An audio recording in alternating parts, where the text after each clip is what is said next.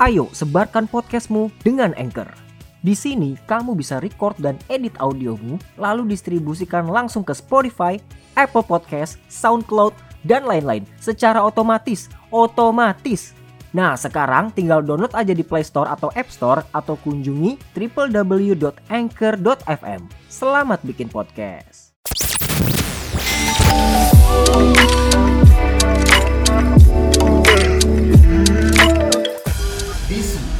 Beragam isu terupdate.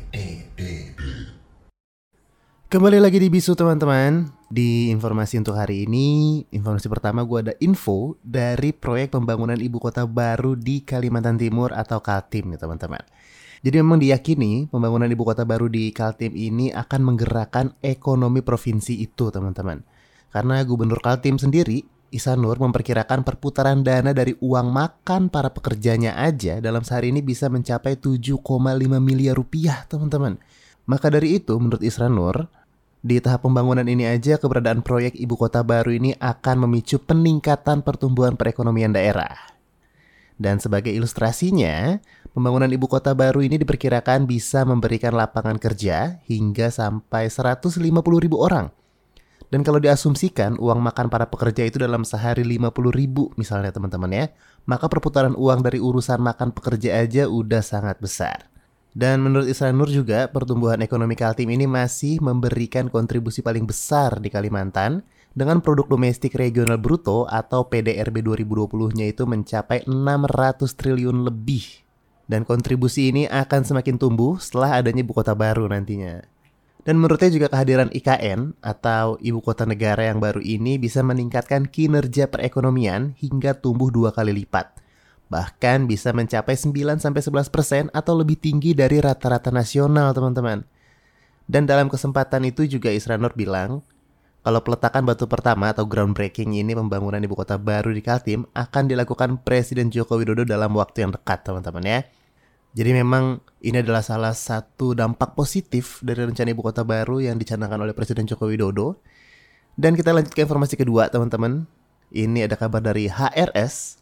Jadi Habib Rizik Sihab ini dikabarkan menyandang gelar doktor usai mengikuti uji disertasi secara online di University Sains Islam Malaysia atau USIM teman-teman.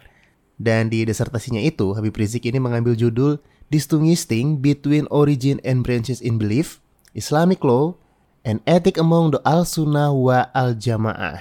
Jadi di disertasinya itu diuji sama Profesor Madya Dr. Kamaluddin Nurdin Marjuni dan juga Dr. Ahmed Abdul Malik pada 15 April 2021 pukul 3 sore waktu Malaysia kemarin teman-teman. Anchor adalah platform podcast gratis yang bisa kamu pakai untuk merecord dan edit audio podcastmu.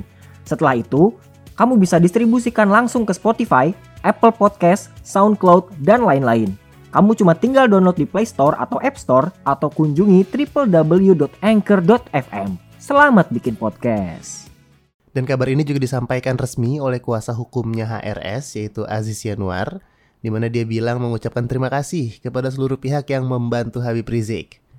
Dan Aziz juga bilang rasa terima kasihnya ini kepada kerabat maupun sahabat yang selalu setia mendampingi dalam suka dan duka hingga Habib Muhammad Rizik bin Hussein Syihab ini selalu termotivasi untuk menyelesaikan program doktoralnya. Dan gak hanya itu, dia juga mengucapkan terima kasih kepada Majelis Hakim, Kejaksaan hingga Polri yang memberikan kesempatan Habib Rizik menyelesaikan pendidikan S3-nya. Patut kita apresiasi banget teman-teman. Nah, jadi untuk kalian yang mungkin skripsinya atau kuliahnya masih kececeran, kita bisa berkaca nih dari HRS. Walaupun sedang banyak masalah, ditimpa berbagai masalah, dia tetap bisa menyelesaikan pendidikannya dengan sangat baik, teman-teman. Dan informasi terakhir datang dari Anies Baswedan. Di mana Gubernur DKI Jakarta ini baru aja berkunjung ke Cilacap, Jawa Tengah. Dan di akun media sosialnya ini kita bisa lihat kalau kunjungan ini terjadi pada hari Jumat 16 April teman-teman dalam rangka panen padi milik BUMD DKI Jakarta PT Food Station Cipinang Jaya. Jadi memang kerjasama Food Station dengan Pemkap dari Cilacap ini untuk penanaman padi sudah berlangsung setidaknya sejak 2018 lalu teman-teman.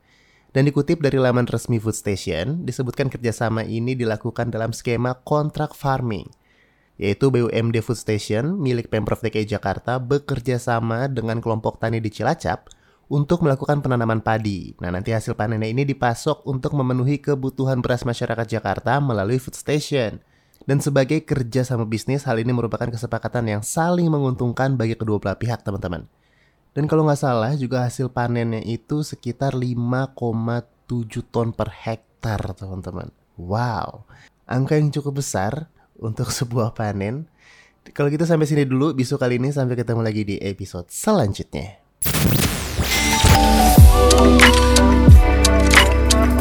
Bisu beragam isu terupdate.